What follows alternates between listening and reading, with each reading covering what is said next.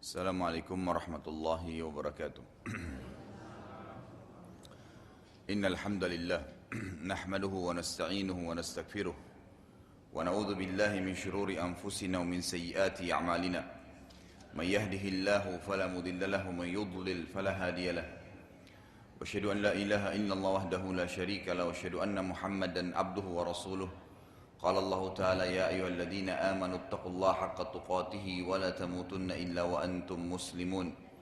وقال عز من قائل أيها الناس اتقوا ربكم الذي خلقكم من نفس واحدة وخلق منها زوجها وبث منهما رجالا كثيرا ونساء واتقوا الله الذي تساءلون به والأرحم إن الله كان عليكم رقيبا. وقال عز وجل يا الذين آمنوا اتقوا الله وقولوا قولا سديدا يصلح لكم أعمالكم ويكفر لكم ذنوبكم ومن يطع الله ورسوله فقد فاز فوزا عظيما. أما بعد فإن أصدق الحديث كتاب الله وخير حديث حديث محمد صلى الله عليه وسلم وشر الأمور محدثاتها فإن كل محدث بدعة وبدعة ضلالة وضلالة في النار. Bapak Ibu sekalian rahimani rahimakumullah. Sebelum kita masuk ke materi Sirah Nabawiyah Ini pertemuan pertama dengan saya setelah Idul Fitri Maka saya ingin mengingatkan kembali bahwasanya tujuan puasa Ramadan kemarin itu adalah agar kita mencapai tingkat ketakwaan. Jadi banyak orang yang keliru. Pada saat Idul Fitri tiba, lisannya mengatakan Alhamdulillah. Tapi Alhamdulillahnya bukan pada tempatnya. Karena mereka menganggap dengan Alhamdulillah itu di dalam hatinya niatnya, Alhamdulillah kami selamat dari penjara ibadah. Sekarang Alhamdulillah tidak puasa lagi, Alhamdulillah tidak sholat terawih lagi, Alhamdulillah tidak butuh membaca Al-Quran, tidak butuh lagi zikir, tidak butuh lagi on time sholat di masjid, dan lebih parah lagi di Indonesia sering terjadi ini penyakit yang luar biasa, memasyarakat di seluruh Indonesia itu mereka menganggap setelah Ramadan sudah boleh lagi berbuat dosa. Sementara di bulan Ramadan mereka rame-rame meninggalkan dosa.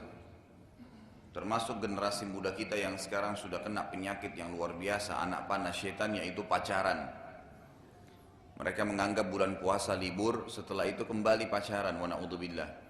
Dan sudah pernah saya jelaskan, tidak ada esensi, tidak ada tujuan pacaran kecuali syahwat. Ujung-ujungnya zina. Dan itu semua langkah syaitan.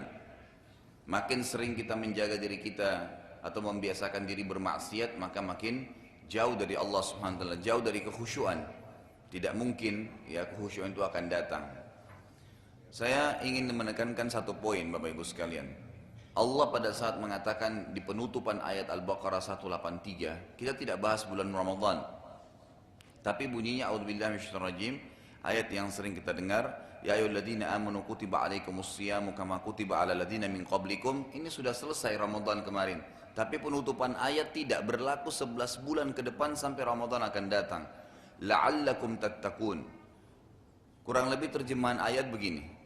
Wahai orang-orang yang beriman, telah dibuatkan untuk kalian program ibadah termasuk puasa sebagaimana telah dibuatkan untuk orang-orang sebelum kalian agar kalian mencapai tingkat ketakwaan. Jadi ada target. Kita di training selama Ramadan kemarin itu agar terbiasa mengerjakan ibadah-ibadah. Itu tujuannya. Mestinya kita pada saat tiba Idul Fitri mengatakan Alhamdulillah sekarang saya siap terapkan ilmu Ramadan. Di antara hal-hal yang saya ringkaskan Bapak Ibu sekalian yang Anda harus ambil mutiara-mutiara Ramadan adalah yang pertama puasa. Bayangin Bapak Ibu sekalian kita selama 29 atau 30 hari dibiasakan oleh Allah Subhanahu wa taala untuk berpuasa. Hari ini puasa, besok puasa, lusa puasa, sampai sebulan penuh. Apakah itu hanya sekedar untuk dikenang di bulan Ramadan atau dikerjakan bulan Ramadan? Jawabannya tidak. Esensi tujuan daripada bulan Ramadan adalah agar anda terbiasa puasa setelah Ramadan menerapkan puasa-puasa sunnah.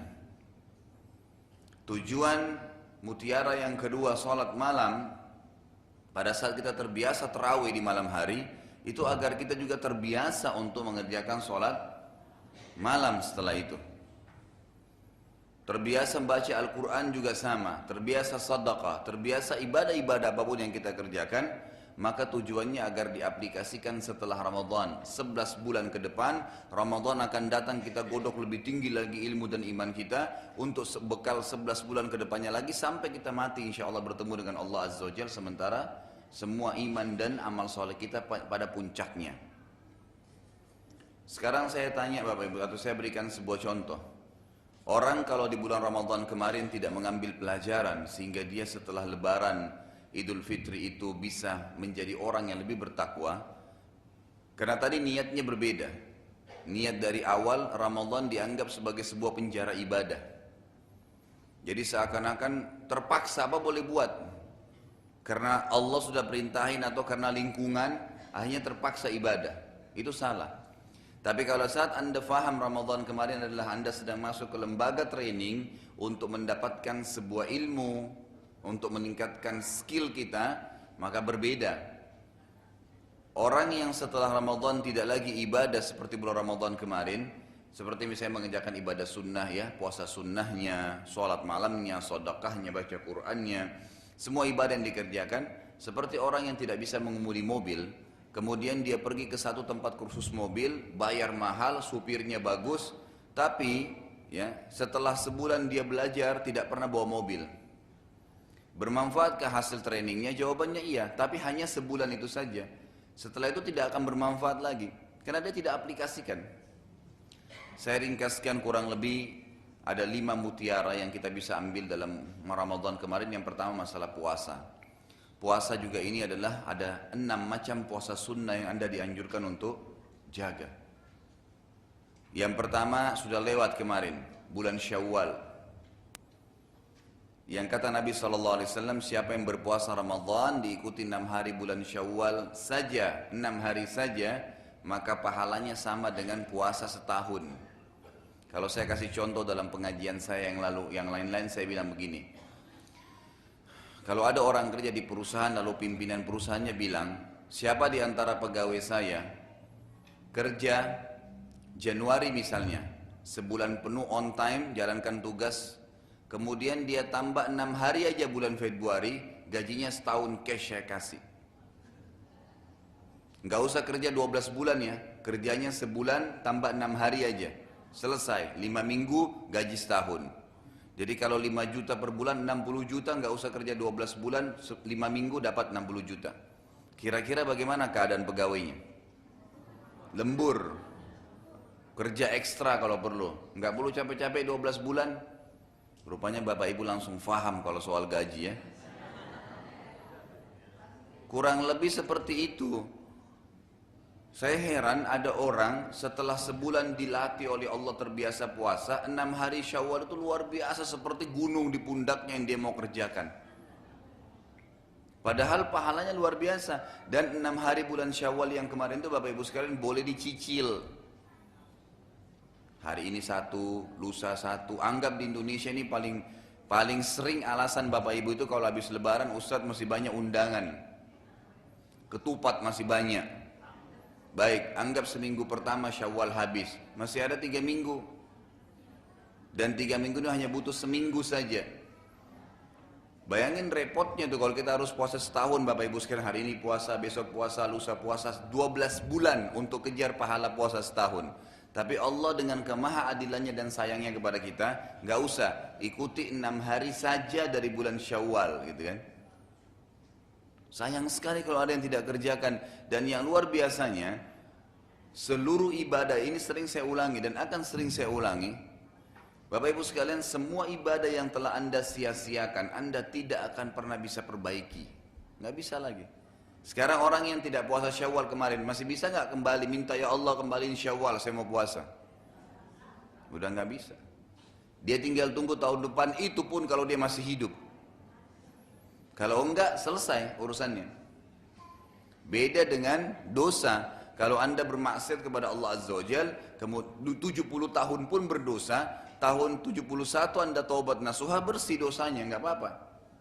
bisa selamat dari api neraka, tapi derajatnya di surga rendah. Karena menentukan derajat di surga fasilitas lebih bagus amal soleh anda. Nah ini nggak bisa diperbaikin, harusnya kita jaga. Dan ingat Bapak Ibu sekalian, kalau bukan Anda yang mengubah diri Anda sendiri, Anda yang mencambuk diri Anda untuk ibadah, maka tidak akan pernah bisa terjadi. Bagaimanapun bagusnya ustadznya nyampaikan, miknya suaranya luar biasa sampai kuping kita sudah sakit mendengarkan, tetap aja nggak bisa.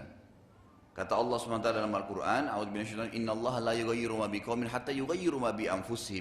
Allah tidak akan mengubah seseorang itu dari keadaan dia sampai mereka mau mengubah diri sendiri. Kalau kita sudah mau melangkah baru.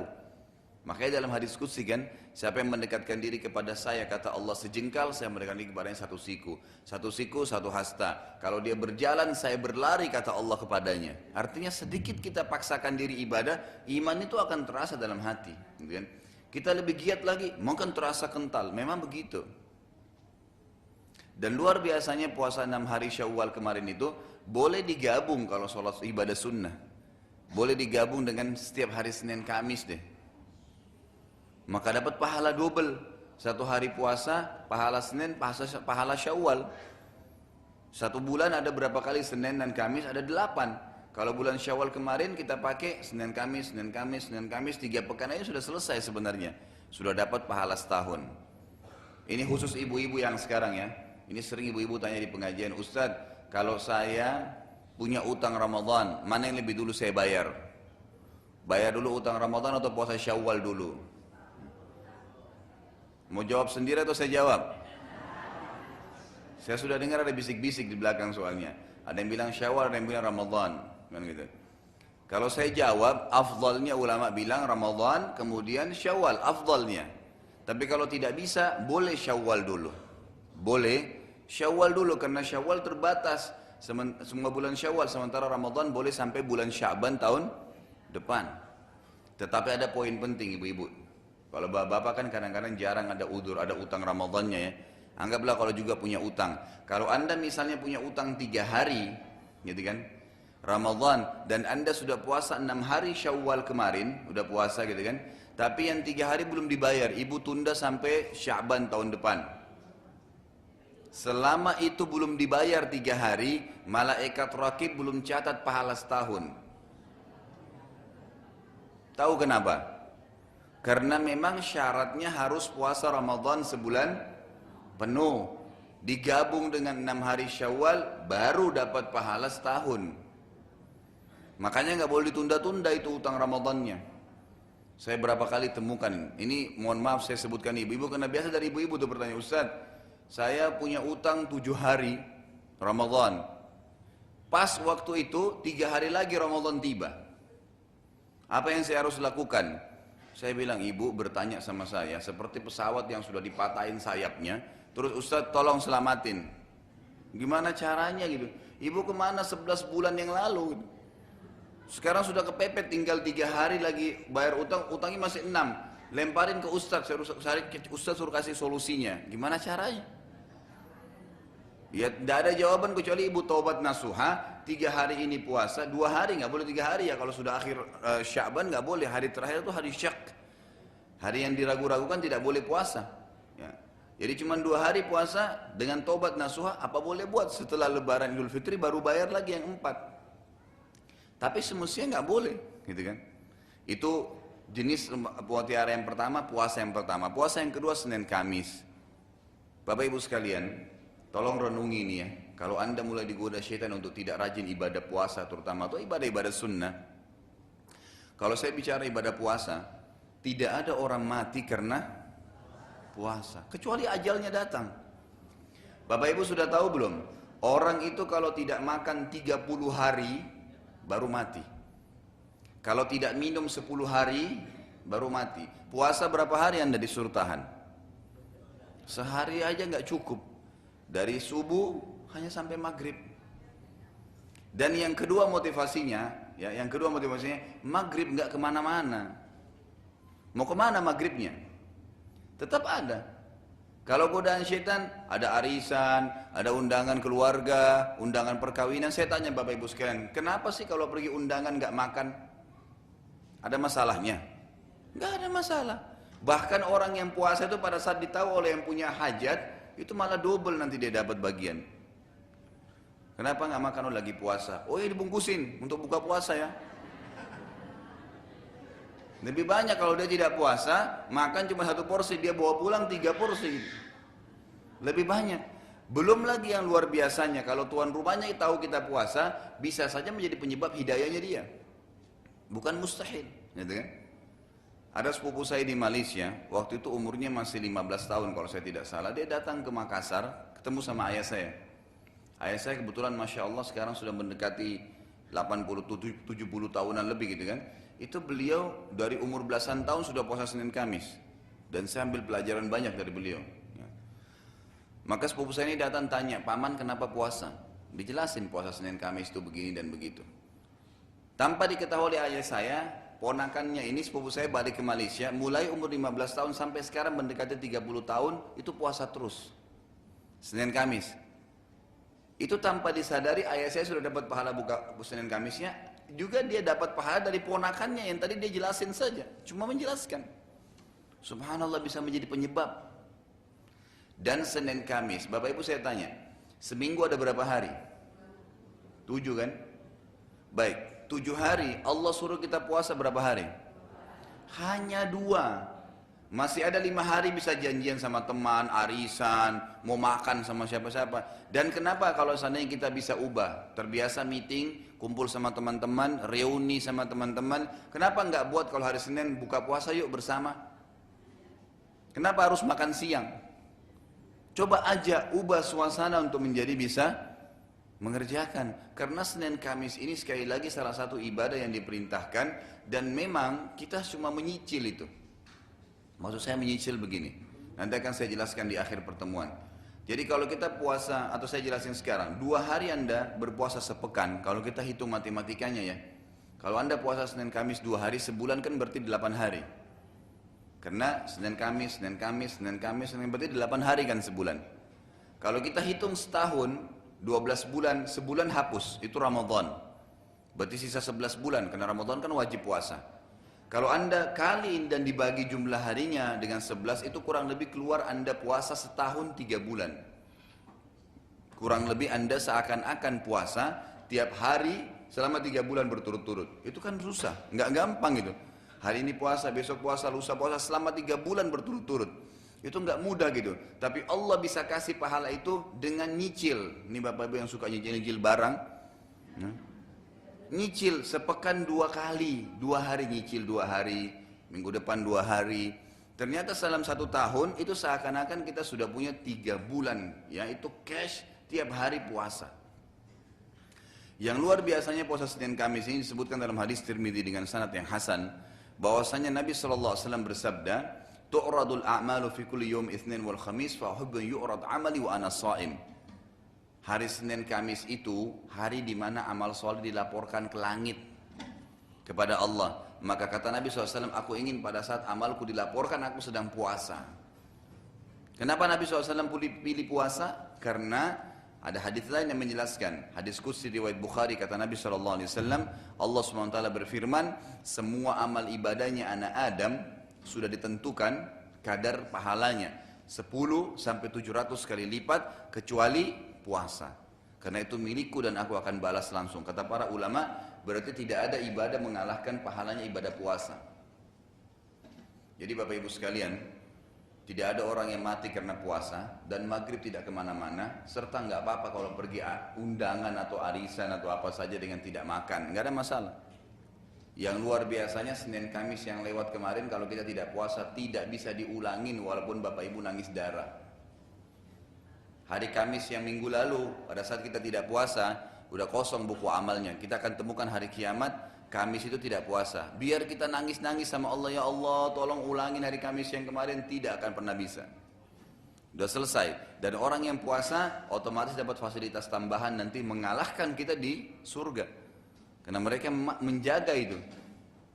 Yang ketiga, puasa Iyamul Bid. Puasa tiga hari setiap bulannya. Di bulan-bulan Hijriyah. Kata Nabi SAW dalam hadis sahih. Saumu thalatha ayam min kulli syahr, saumad dahri kullah. Puasa tiga hari rutin setiap bulannya, itu sama dengan pahala puasa setahun penuh. Setahun penuh. Kalau tadi Ramadan dengan Syawal masih sebulan Ramadan, enam hari Syawal. Ini enggak, tiga hari setiap bulannya dijaga, maka sama dengan pahala puasa setahun non-stop. Itu fadilah yang sangat besar. Dan anda kemarin Ramadan sudah dibiasakan perut anda, keadaan anda sudah terbiasa puasa. Mestinya kita biasakan juga. Gitu. Itu di antaranya. Dan anda kalau gabung tiga hari setiap bulannya ini, afdolnya dikerjakan di tanggal 13, 14, 15, afdolnya. Bolehkah dikerjakan hari tanggal yang lain? Boleh.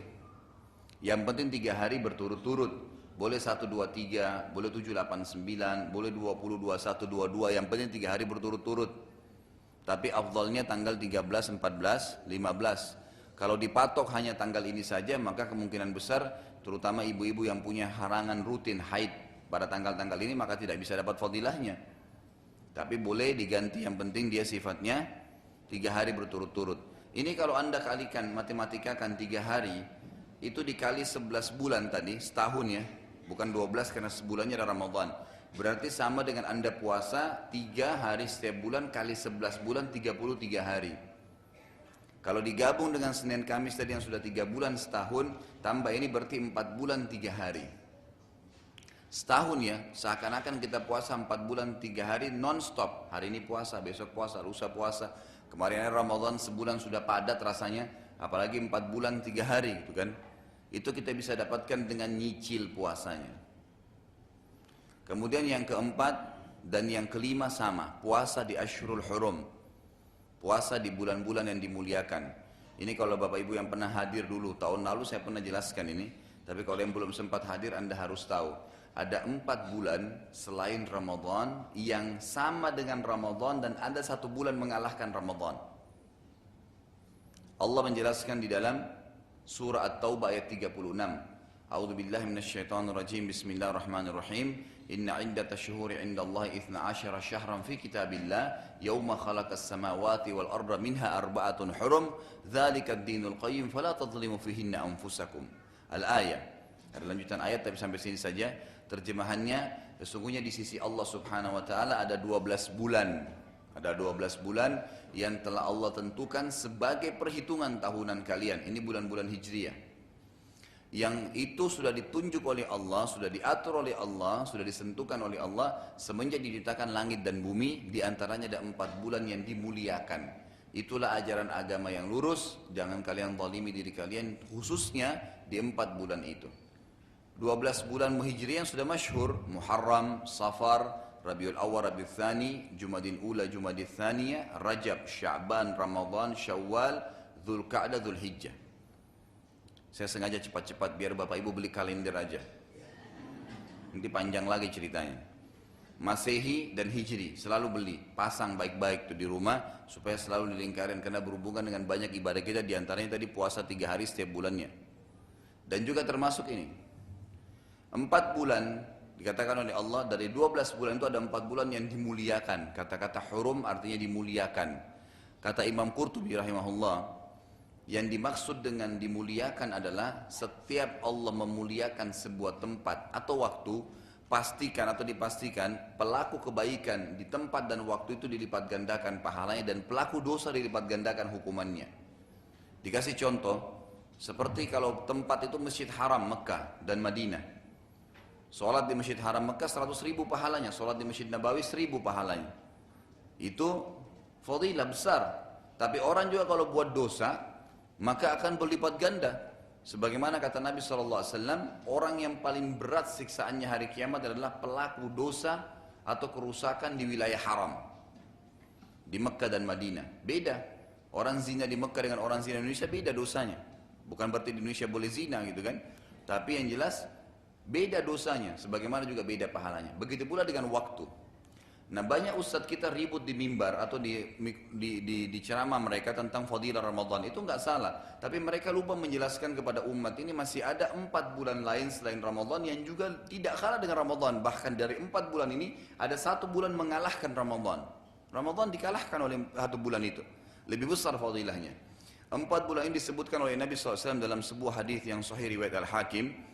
Rajabun madharun baina Jumadi wa Sya'ban. Yang pertama adalah bulan Rajab yang terhimpit antara bulan Jumadi dan bulan Sya'ban. Bulan ketujuh dari bulan Hijriah.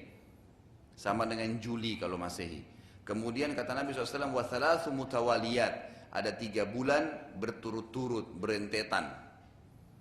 Itu adalah Zulkaadah. Kita sekarang di bulan apa? Tanggal berapa? Dua atau tiga? Loh, dua, tiga, dua, tiga gitu kan. Baik, pilih aja terserah tanggal dua atau tanggal tiga. Yang penting sekarang anda tahu anda di bulan sekarang tanggal dua Bapak Ibu sekalian. Karena hari Jumat kemarin terakhir bulan Syawal. Sekarang baru hari Ahad, jadi tanggal dua. Tadi Bapak bimbang sih, dua, tiga, dua, tiga gitu kan. Jadi saya ambil dalam tengahnya dua Zulkaadah dan bulan Zulkaadah ini salah satu dari empat bulan yang dimuliakan. Artinya kalau anda beribadah di bulan ini itu sama dengan Ramadan pahalanya. Tidak kalah dengan Ramadan. Zulkaadah kemudian bulan depan Zulhijjah dan bulan depannya Muharram. Tiga bulan berturut-turut ke depan ini bulan yang luar biasa. Dan bulan depan adalah yang saya katakan tadi satu-satunya bulan yang bisa mengalahkan Ramadan. Itu adalah bulan Zulhijjah. Nanti akan kita jelaskan itu. Baik, empat bulan ini saya rincikan sedikit. Kalau bulan Rajab dengan bulan Zulkaadah yang anda sekarang ini, tidak ada ibadah khusus puasa di situ. Maksudnya tidak ada ibadah puasa yang kita akan bahas kan masih puasa mutiara Ramadan yang pertama ya. Tidak ada ibadah khusus di situ yang kita disuruh puasa gitu. Tapi umum, semua ibadah yang anda kerjakan termasuk puasa sunnah kayak Senin Kamis, ayamul bid tiga hari setiap bulan tadi, anda ngaji, anda apa saja bakti dengan orang tua, pahalanya itu mengalahkan bulan-bulan lain kecuali Ramadan. Jadi empat bulan ini tidak sama dan bulan Ramadan itu juga jadi lima bulan ini. Maksudnya kalau anda ibadah selain dari lima bulan ini, ya kalau anda ibadah di lima bulan ini mengalahkan bulan-bulan lain. Seperti misalnya Rabiul Awal, bulan Safar, Rabiul Awal, Rabiul Thani, Jumadil Ula, Jumadil Thaniyah, Sya'ban, itu semua dikalahkan ibadah-ibadahnya dengan bulan-bulan ini gitu. Tapi tidak ada ibadah khusus. Artinya semua yang sudah ada perintahnya saja Anda kerjakan. Jadi keliru ya, ini sekaligus saya luruskan, ada banyak orang menyebarkan hadis yang tidak benar tentang Nabi SAW berhubungan dengan masalah rajab. Seperti sering dikatakan orang yang puasa hari pertama rajab diampuni dosanya, hari kedua akan ya hari kedua dari bulan Rajab akan pahalanya seperti syuhada hari ketiga seperti para nabi-nabi ini luar biasa bisa ngalahin pahala nabi-nabi itu nggak benar hadis juga yang sering disebarkan oleh sebagian dai kita tapi ini hadis lemah sekali. Itu semestinya tidak boleh diangkat di mimbar. Yang kata Nabi SAW Rajab bulannya Allah, Syaban bulanku dan Ramadan bulannya umatku ini nggak benar hadisnya. Hadisnya ada perawinya membohong jadi nggak ada. Tapi bulan Rajab tetap masuk dari bulan-bulan yang dimuliakan. Yang penting anda garis bawahi, tidak ada ibadah khusus. Yang sudah ada perintahnya semua itu yang masuk. Seperti anda sholat lima waktu, puasa Senin Kamis, ayamul bid, sholat malamnya, mengaji, zikir, hadir majelis ilmu, semua itu mengalahkan bulan-bulan lain gitu. Sama dengan Zulkaadah, nggak ada ibadah khusus. Tinggal dua bulan yang tersisa, bulan depan Zulhijjah, 28 hari dari sekarang, gitu kan? nanti Zulhijjah dan bulan Muharram bulan depannya baru ada ibadah khusus terutama puasa. Kita masuk bulan Zulhijjah ini penting. Tolong kalau anda pulang sebentar punya kalender ada tang ada hijriahnya lingkarin pakai tinta merah atau spidol merah. Tanggal 1 sampai 10 Zulhijjah. 28 hari dari sekarang. Ini 10 hari Bapak Ibu sekalian mengalahkan mengalahkan kedudukannya 10 akhir Ramadan. Ini penting ya. Mengalahkan 10 akhir Ramadan. Nanti akan saya jelaskan. Kok bisa? Bukankah di 10 akhir, akhir Ramadan ada Lailatul Qadar? Jawabannya iya. Tetap masih dikalahkan dengan malam-malam 10 hari dari bulan Hijriyah. Dari bulan Zulhijjah. Dalilnya ada hadis atau ayat Al-Quran dulu. Surah Al-Fajr. Ayat kalau tidak salah surah nomor 89 ayat 1 sampai ayat 3. Bunyinya a'udzubillahi minasyaitonirrajim. Bismillahirrahmanirrahim. Wal fajr walayalin ashir wasyaf'i wal watr. Terjemahannya begini. Kata Allah SWT demi waktu subuh dan sepuluh malam berturut-turut sebelum subuh itu serta hari ke-8-nya dan hari ke-9-nya. Itu terjemahan umum. Kita masuk di tafsirnya. Waw di sini, wa al-fajr adalah waw kasam, sumpah. Allah Subhanahu wa taala tidak pernah bersumpah dalam Al-Qur'an kecuali sesuatu yang penting. Seperti wal asr, gitu kan? Demi waktu, artinya waktu hidup kalian di dunia, gitu kan? Di sini juga begitu, wal fajr. Allah bersumpah demi subuh. Subuh apa ini? Ternyata alif lamnya menjelaskan. Karena alif lam ini dalam bahasa Arab namanya alif lam mu'arraf, sesuatu yang menjelaskan. Misal kalau Allah mengatakan wa fajr tidak pakai alif lam berarti demi subuh harus ada keterangan setelahnya demi subuh Jumat misalnya. Tapi karena tidak ada keterangan setelahnya dan Allah ingin subuh tertentu alif lamnya sudah menjawab. Ternyata di sini alif lam maksudnya Allah kejarlah demi subuhnya hari raya Idul Adha. Dan ini menandakan Idul Adha lebih afdal daripada Idul Fitri karena ada sumpahnya Allah tadi. Dari mana afdalnya Idul Fitri? Idul Adha, sementara yang ramai di Indonesia kan Idul Fitrinya. Idul Adha biasa saja, padahal Idul Adha itu lebih afdal. Karena setelah sholat Idul Fitri nggak ada ibadah khusus. Masalah anda silaturahim keluarga, anda mau saling memaafkan, itu tradisi kita di Indonesia. Kalau tradisi agama, ya kalau syariat Allah, ya itu minta maaf sepanjang tahun kapan punya salah bukan tunggu lebaran. Sama juga dengan silaturahim sepanjang tahun, bukan khusus lebaran. Tapi selesai sholat idul adha, itu ada perintah kurban. Kemudian Allah mengatakan, walayalin ashur. Dan kejarlah pula, kata Allah, Allah bersumpah juga sama, dan kejarlah juga sepuluh malam berturut-turut, berturut-turut ya. Walayal, layal itu jamak daripada laylah yang berarti malam-malam. Asyur adalah sepuluh. Dan kejarlah sepuluh malam berturut-turut sebelum subuh hari Idul Adha itu. Artinya perbanyak ibadah pada saat itu. Serta hari ke-8-nya, ini 8 Zulhijjah dikenal dengan hari Tarwiyah. Hari pertama jemaah haji pakai ihram, masuk ke Mina.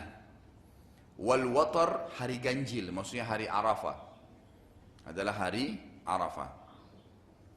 Dengan adanya sumpah Allah di ayat ini, sebagian ulama mengatakan berarti 10 awal bulan Zulhijjah lebih afdal daripada 10 akhir Ramadan. Tidak semua ya, tapi sebagian. Kenapa? Karena di akhir Ramadan kita disuruh kejar satu malam saja. Itu pun malam Lailatul Qadar di malam-malam ganjil. Memang dia lebih baik daripada seribu bulan. Tapi di sini Allah mengatakan walayalin asyar. Dan kejar 10 malam berturut-turut. Tidak dikecualikan. Tidak bukan ganjilnya bukan genapnya. Pokoknya 10 malam ibadah terus. Sekali lagi terjemahan kurang lebih tafsirnya begini. Demi waktu subuh idul adha kejarlah solat idnya dan kurbannya. Itu langsung tafsirnya ya dan kejar pula dengan ibadah-ibadah malam, solat dengan di 10-10 malam sebelum subuh itu dan fokuslah ya bagi yang mau haji masuk di Mina tanggal 8 dan hadir di Arafah tanggal 9. Kemudian dikuatkan juga dengan hadis Bukhari, Nabi SAW mengatakan tidak ada hari-hari sepanjang tahun, kata ulama hadis sebagian mereka termasuk Ramadan ini. Tidak ada hari-hari sepanjang tahun di mana amal soleh bila dikerjakan di dalamnya lebih Allah cintai. Sekecil apa pun dia sunnah. Senyum dengan muslim, sodaka mungkin dengan 100 rupiah. Pokoknya ibadah apa pun anda kerjakan. Sekali lagi kata Nabi SAW tidak ada hari-hari sepanjang tahun di mana amal soleh bila dikerjakan di dalamnya ya itu lebih Allah cintai. Artinya lebih besar pahalanya dibandingkan amal soleh yang dikerjakan di 10 awal bulan Zulhijjah. Di sini hadis Bukhari. Sekecil apa pun sunnah. Paling Allah cintai maksudnya paling besar pahalanya. Sahabat penasaran mereka mengatakan apa ya Rasulullah jihad di jalan Allah, berperang, juga belum bisa mengalahkan makna hadisnya, belum bisa mengalahkan amalan-amalan sunnah yang dikerjakan di 10 awal bulan Zulhijjah. Apa jawaban Nabi SAW? Jihad pun di jalan Allah belum bisa mengalahkan amalan sekecil apa pun sunnah yang dikerjakan di 10 awal bulan Zulhijjah. Ini 8, 28 hari lagi dari sekarang Tanggal 1 sampai tanggal 10 Mengalahkan pahala jihad di jalan Allah Sekecil apa pun ibadah sunnah yang Bapak Ibu kerjain Lalu kata Nabi SAW apa? Kecuali seorang laki-laki yang keluar berperang membawa seluruh hartanya. Dia punya 5 miliar, dibawa semua 5 miliar di medan perang. Dan dia bawa jiwanya, dia juga ikut berperang, kemudian dia tidak membawa pulang keduanya. Habis hartanya diinfakkan di medan perang, sudah Disabilillah dia juga mati syahid baru sama pahalanya dengan ibadah sunnah sekecil apa pun yang kita kerjakan di 10 awal bulan Zulhijjah. Kurang lebih lafaz hadis bahasa Arabnya begini. Ma min ayyamin al-amalu salihu fi ahabbu ila Allah min hadhihi al-ayyami in ashr. Qalu ya Rasulullah walal jihadu fi sabilillah qala walal jihadu fi sabilillah illa rajulun kharaja bi nafsi wa mali wa lam yarji bidzalika bi syai'. Jadi luar biasa sekali ya nanti orang berjihad menghabiskan semua hartanya dan dia pun mati syahid baru sama pahalanya dengan kita berbuat ibadah sunnah sekecil apa pun senyum dengan muslim kalahin jihad sadaqah 100 rupiah kalahin jihad. Pertanyaannya Bapak Ibu sekalian sudah berapa tahun 10 Zulhijjah lewat anda tidak ibadah? Maka jangan sia-siakan 28 hari lagi dari sekarang. Kita akan masuk di waktu itu. Baik. Dengan adanya ayat surah Al-Fajr serta juga adanya hadis Bukhari tadi, ulama mengatakan dianjurkan setiap muslim yang punya kemampuan puasa 9 hari. 1 sampai 9 Zulhijjah. Tanggal 10 nggak boleh puasa karena Idul Adha. 1 sampai 9. Malam harinya tahajud. Siang hari juga mengaji, sedekah, ibadah semua karena ini bisa mengalahkan jihad. Mengalahkan pahala jihad, gitu kan?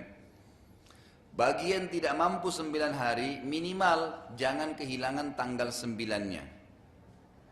Langsung senyumnya lebar ya. Tadinya kan sembilan hari banyak. Begitu dibilang sembilannya, nah ini kebetulan. Bukannya malah senang kalau sembilan hari mau dikerjain gitu. Baik, minimal tanggal sembilannya. Kalau ada yang tanya kepada anda, dari mana dalilnya Ustaz puasa sembilan hari itu? Ulama menjelaskan dengan dua hadis Bukhari. Hadis yang pertama, yang tadi yang kita sudah sebutkan tidak ada hari-hari sepanjang tahun di mana amal soleh kalau dikerjakan di dalamnya lebih Allah cintai. Nah di sini semua amal soleh kata ulama, semua amal soleh masuk dan amal soleh yang paling afdal dijelaskan di hadis kedua Bukhari tadi. Yang kata Nabi SAW, Allah berfirman di hadis Qudsi, semua amal ibadahnya anak Adam, ya sholatnya, ya apa saja, ibadahnya selain puasa, sudah ditentukan pahalanya 10 sampai 700 kali lipat kecuali puasa dia milik saya dan saya akan balas. Kata ulama, berarti hadis ini sinkron dua-duanya. Yang pertama, ibadah apa pun dikerjain 10 awal Zulhijjah lebih mengalahkan jihad dan hadis yang kedua tadi yang disebutkan Bukhari yang kita jelaskan di awal pertemuan tadi itu menandakan puasa adalah ibadah yang paling besar. Maka dianjurkan puasa. Kemudian kalau tanggal sembilannya dalam hadis Bukhari Muslim disebutkan bahwasanya Nabi SAW waktu ditanya tentang puasa hari Arafah sehari saja puasa ini bisa mengampuni dosa setahun yang lalu dan setahun akan datang. Tapi dosa-dosa kecil. Ya, dosa-dosa kecil. Kalau ada yang iseng bilang begini Bapak Ibu sekalian, misal ada teman Anda bilang kalau puasa Arafah diampuni dosa setahun yang lalu, 12 bulan, dihapusin semuanya, tapi dosa kecil ya. Dan setahun yang akan datang diampuni lagi, belum dibuat sudah diampuni. Kalau gitu saya boleh buat dosa. Sudah banyak dosa saya diampuni, dan setahun lagi belum dikerjain sudah diampuni. Gimana caranya kita jawab orang ini? Dengan dua poin. Yang pertama, dari mana jaminan puasa anda Arafah sudah diterima sama Allah? Sehingga anda sudah punya sertifikat pengampunan setahun sudah didapatkan. Yang kedua, kata ulama, kadar dosa itu kita nggak pernah tahu. Bisa saja melihat yang haram sekali, itu kadar dosanya 30 tahun. Mungkin orang durhaka dengan orang tua kadar dosanya 200 tahun. Mungkin orang pernah menipu orang kadar dosanya 70 tahun. Berapa banyak yang selama anda lalui 40 tahun, 30 tahun, 20 tahun yang lalu dosa yang kita lakukan. Mungkin sekarang, mungkin umur kita 70-80 tahun. Allah alam, anggap sampai 100 tahun. Tapi dosa kita mungkin 3000 tahun, 2000 tahun. Kena numpuk. Jadi kalau diampuni dengan puasa Arafah sehari berarti masih satu tahun. Kalau dosa anda 2000 masih 1999 tahun. Yang harus diampuni. Jadi tidak boleh dianggap remeh gitu. Bukan berarti ini bisa dikatakan, oh sudah diampuni. Kenapa pernah saya temu orang begitu. Saya subhanallah tanpa sengaja ketemu orang di masjid, masih kerabat saya gitu. Kalau saya lihat sih dia tidak bercanda ya. Waktu itu kebetulan malam 27 Ramadan, kemudian duduk di masjid, habis sholat terawih duduk ngobrol-ngobrol, di masjid disiapin minuman gitu. Terus dia bilang, ini Alhamdulillah kita sudah dapat malam 27 di Lailatul Qadar, ibadah saya sudah banyak. Loh, kalau saya jawab, dari mana alasannya anda pastikan malam ini Lailatul Qadar? Nabi SAW mengatakan kejar Lailatul Qadar di malam-malam ganjil di 10 hari Ramadan dan dia berputar di 21, 23, 25, 27, 29. Memang sering terjadi di 27. Nggak ada jaminan. Dan ternyata itu kan dia kita lihat di Indonesia penyakitnya itu kan. Malam 27 masjid ramai. Dan hitung-hitung, oh ini malam 26. Ah bukan malam ganjil. Nggak ke masjid, nggak sholat. Loh kenapa? Sementara kata para ulama hikmahnya Malam-malam ganjil itu subhanallah bisa dikatakan hampir terjadi setiap malam. Karena perselisih waktu. Kan gitu. Kayak kita sama Saudi bedanya 4 jam. Kita udah malam, dia masih mereka masih belum malam. Mundur 4 jam. Jadi kalau kita sudah subuh, itu mereka baru malam. Jadi terus terjadi kita sudah pagi sudah puasa 28 atau puasa ya sudah masuk ke 28 puasa 27-nya malam 28 itu Saudi juga masih baru masuk malamnya itu mundur 4 jam. Belum negara-negara lain yang mungkin selisih 6 jam, 8 jam dan seterusnya gitu. Jadi nggak boleh kita salah paham dengan masalah seperti ini. Baik, selanjutnya ya dianjurkan anda tentu berkurban. Ini saya tidak bahas lagi karena kita ringkaskan ya. Yang tanggal 10-nya, tapi ada hari-hari yang anda perlu tahu diharamkan puasa, tidak boleh. Lima hari ya, dua hari hari raya, Idul Fitri, Idul Adha. Dan tiga hari berturut-turut itu di hari tasyrik namanya. Itu tiga hari setelah Idul Adha. Jadi tanggal 10 Zulhijjah itu kita nggak boleh puasa karena hari kita menikmati kurban. Kemudian setelahnya tiga hari 11, 12, 13. Yang penting juga anda harus tahu pada saat Idul Adha disunnahkan atau dianjurkan wajib sebenarnya bagi yang mampu untuk berkurban dan paling afdal kurban dengan kambing. Walaupun anda mampu dengan sapi boleh, unta boleh tapi tetap lebih afdal kambing karena Nabi SAW berkurban dengan kambing atau domba tepatnya. Dan dikatakan dalam hadis Bukhari domba itu kalau makin berwarna putih hitam makin besar pahalanya. Ya. Yang penting umurnya enam bulan kalau domba, kemudian kalau kambing itu satu tahun, kalau sapi minimal dua tahun, baru bisa disembelih.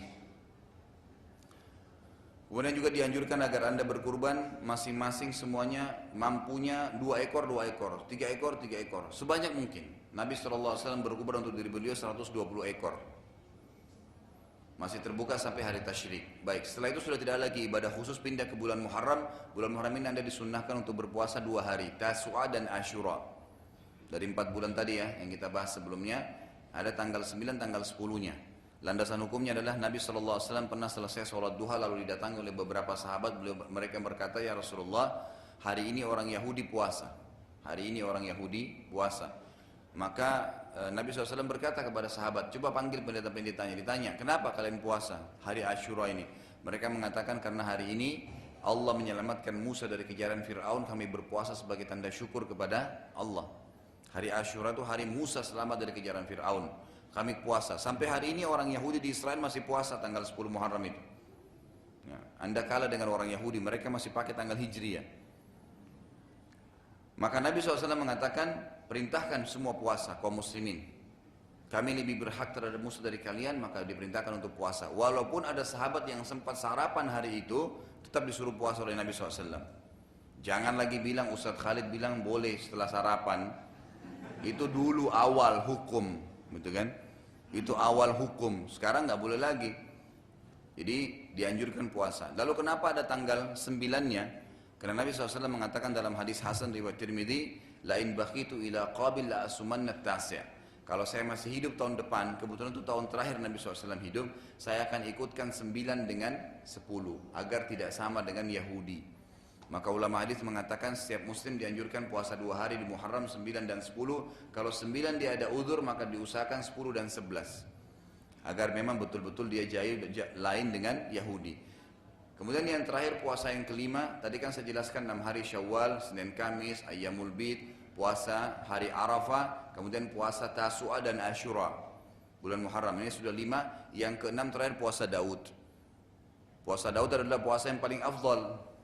Sehari puasa, sehari tidak. Tapi kalau anda puasa Daud, hukum Tadi lima puasa yang lainnya sudah terhapus. Kecuali kalau bertepatan harinya. Misal Anda puasa Senin, mulai Daudnya. Boleh diniatkan dalam hati Senin dan puasa Daudnya. Selasa kan kita batal puasa ya. Rabu puasa lagi. Tiba Kamis tidak boleh puasa. Jadi jangan ada orang bilang, nggak apa-apa deh biar pahala saya tambah. Nggak boleh. Karena memang syaratnya Daud adalah sehari puasa, sehari tidak. Berarti Kamisnya nggak boleh puasa lagi tadi. Kalau Senin puasa, Selasa tidak, Rabu puasa, Kamis nggak boleh puasa. Dia tidak boleh kecuali bertepatan ya. Misal tadi hari Senin dia niatkan atau puasa Syawal yang enam hari dia niatkan kena puasa Daud sehari pada saat dia puasa Daud dan Syawal. Hari keduanya dia tidak puasa, hari ketiga dia puasa Daud dan Syawal lagi itu gak ada masalah. Kalau bertepatan, tapi kalau khusus nggak boleh. Jelas ya? Baik, kita pindah ke mutiara Ramadan yang kedua, saya ringkaskan adalah sholat malam. Bapak ibu sekalian, sholat malam ini adalah sholat ibadah yang mulia. Kita sudah tahu sama-sama, tapi kenapa nggak dikerjain gitu? Masih tanda tanya, kita sudah tahu besar pahalanya, masih aja kita tidur. Dan bulan Ramadan kemarin sudah diajar itu, sudah dilatih. Saya tanya bapak ibu sekalian, ibu-ibu deh terutama biasa suka masak kalau sahur, gitu kan? Kalau kalau sholat seperti kemarin subuh jam 5 kurang seperempat, Kira-kira biasanya kita bangun jam berapa? Umumnya kalau saya tanya ya di pengajian itu mundur sejam deh. Setengah empat gitu kan. Baik. Anggap seperti waktu itu setengah empat Anda bangun. Setengah lima subuh Anda bangun setengah empat. Itu setiap hari kita disuruh sahur oleh Nabi SAW. Diperintahkan kan? Kata Nabi SAW, manusia dalam keadaan sehat selama mereka apa? Mempercepat buka puasanya dan menerlambatkan sahurnya.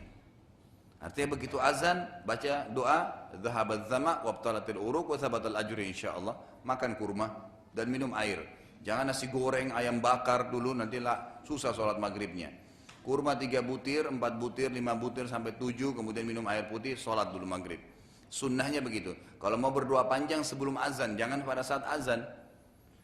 Dan orang menerlambatkan sahur. Ini saya selalu luruskan, imsak dalam Islam syarat kita adalah kalau azan terdengar.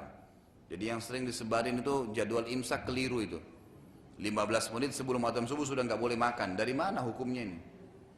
Nabi SAW mengatakan dalam hadis yang sahih riwayat Imam Ahmad, kalau di tangan salah seorang kalian masih ada makanan dan minuman yang sementara kita makan ya, gelas lagi diminum airnya, gitu kan? Ini prosesnya makanan sementara digigit masih sisa, obat masih belum diminum, terdengar azan, kata Nabi SAW, maka selesaikanlah hajat yang di tangannya. Jadi masih boleh pada saat azan menyelesaikan, tapi ingat ya, yang di tangan. Jangan lagi Ustadz bilang, oh masih boleh sampai azan, siapin satu piring pada saat azan, itu udah nggak benar. Jadi kalau di tangannya hajatnya masih ada baru, gitu kan? Itu masih boleh. Itu itu jadwal imsak sebenarnya. Dan Nabi SAW mengatakan kalau kalian dengarkan azannya Bilal di zaman sahabat kan Nabi SAW azan subuhnya dua kali. Kalian dengarkan azannya Bilal maka makanlah. Kalau kalian dengarkan azannya Ibnu Ummul Maktum maka berhentilah. Itu azan kedua. Kurang lebih selisihnya itu 50 ayat. Ya kalau kita sekarang mungkin setengah jam.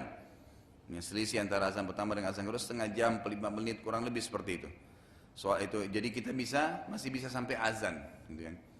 Baik, kemudian ini ini hadis ini ada rahasianya Bapak Ibu sekalian.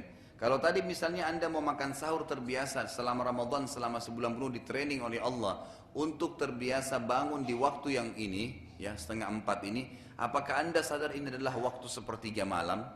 Waktu yang paling afdal di mana Allah turun ke langit bumi mengatakan kepada para malaikat apakah ada hamba-hamba saya yang punya hajat saya penuhi? Ada hajat apa saja? Apakah ada yang minta tolong saya tolong? Apakah ada yang bertaubat saya ampuni? Jelas. Kita terbiasa kemarin sebulan dilatih untuk itu. Kenapa? Sekarang nggak pernah bangun gitu. Sebagian ulama salaf mengatakan saya heran melihat ada orang yang berharap surga tapi masih tidur di malam hari anda tahu kalau baca buku hadis ada namanya bab dalam buku hadis semua Bukhari, Muslim, Abu Dawud, Tirmidzi ada bab nahi anis samr. Larangan begadang. Dalam Islam itu dilarang begadang Bapak Ibu sekalian. Kecuali darurat sekali. Kalau hal-hal yang mendesak, hal yang penting. Kalau cuma omong kosong, itu nggak dilarang, nggak boleh. Mungkin ada majelis ilmu, mungkin ada permasalahan keluarga yang sedang dipecahkan, penting. Kalau enggak disuruh tidur habis isya itu. Bahkan kalau anda perlu tahu, Umar bin Khattab anhu itu kalau selesai sholat isya, pulang dari masjid, itu beliau bawa tongkat. Kalau lihat ada orang-orang kumpul jalan dipukulin. Dipukul sama Umar anhu dikatakan, apakah kalian sekarang duduk kosong begini dan begadang sehingga kalian nanti tidak bangun untuk sholat malam? Jadi ternyata rahasia salah satu adalah kalau orang mau rajin sholat malam nggak boleh begadang. Tidur jam 1 mau bangun jam 4, bagaimana caranya? Pasti ngantuk. Nanti dikatakan, aduh sholatnya nggak bisa berat, ngantuk, tambah setan lagi bilang, iya nggak usah, gini, tambah, wow tambah kacau semuanya. Nggak bisa, coba kalau tidurnya jam 9, ya, setengah 9, jam 10 malam maksimal, udah tidur.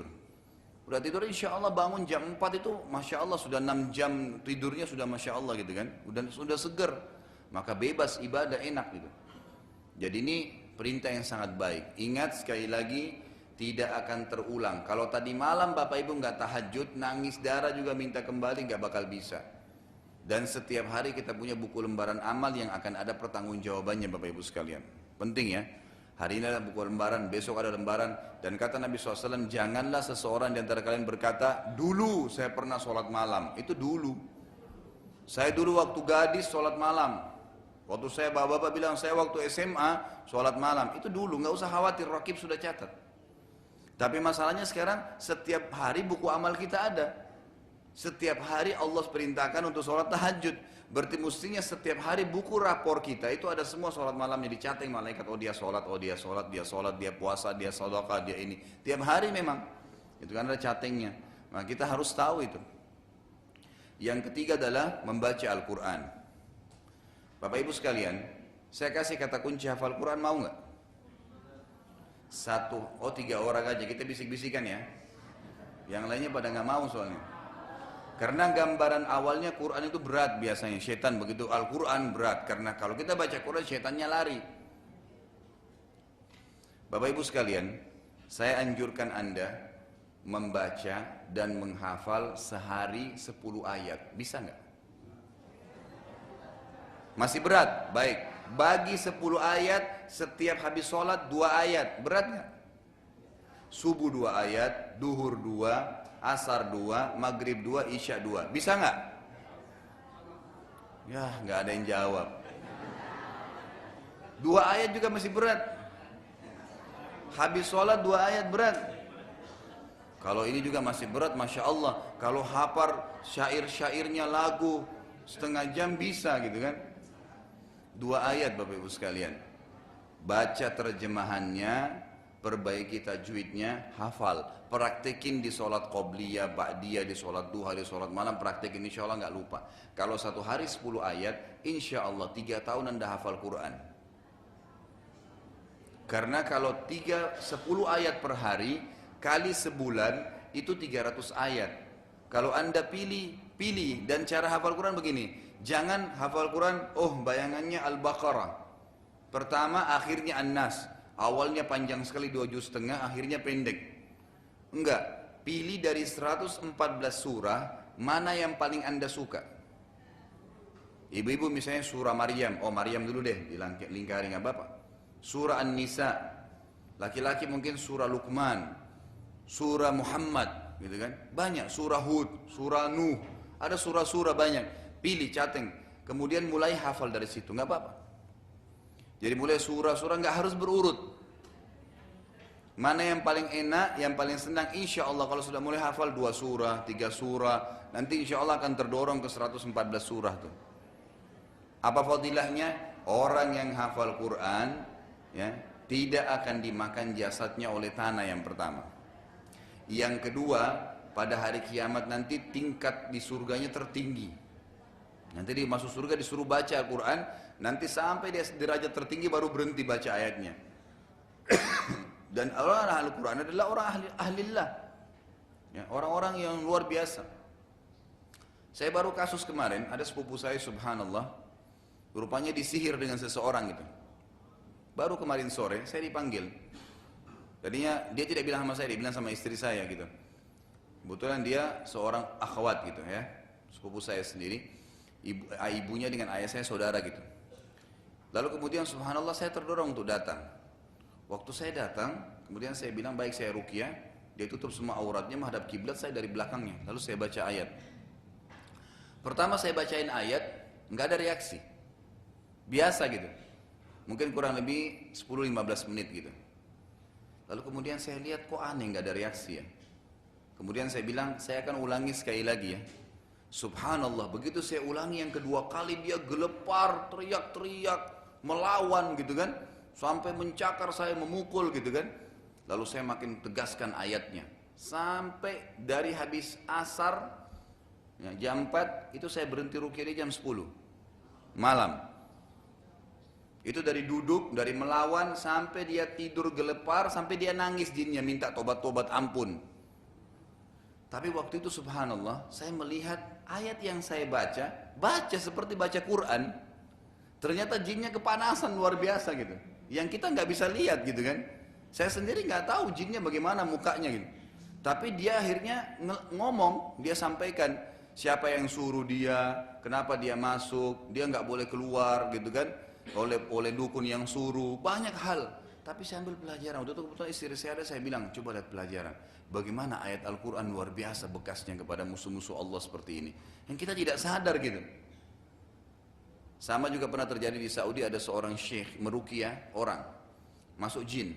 Di rukia rukia rukia keluar jinnya. Tapi jinnya bilang begini syekh saya mau keluar tapi dengan syarat saya mau masuk ke badan anda. Kata syekhnya baik silahkan. Biasanya orang itu kalau jinnya sudah lemah, pingsan dia. Baru jinnya ngomong, dia udah nggak sadar. Nah itu nanti kita hardik jinnya supaya keluar gitu. Saya kemarin pukul-pukulin dia suruh keluar jinnya gitu. Nah kemudian pada saat pingsan, tiba-tiba bangun orang ini, berarti sudah sadar. Nah, sudah jinnya sudah keluar. Ternyata tidak lama lagi pingsan lagi, masuk lagi jinnya. Syekhnya rukia lagi. Ditanya, kau kan janji sudah keluar tadi hai jin. Dia bilang, iya. Tapi kan saya punya syarat syekh. Apa syaratnya? Masuk ke badan anda. Kata Katanya silahkan. Dia bilang saya nggak bisa masuk karena di badan anda ada zikir pagi sore.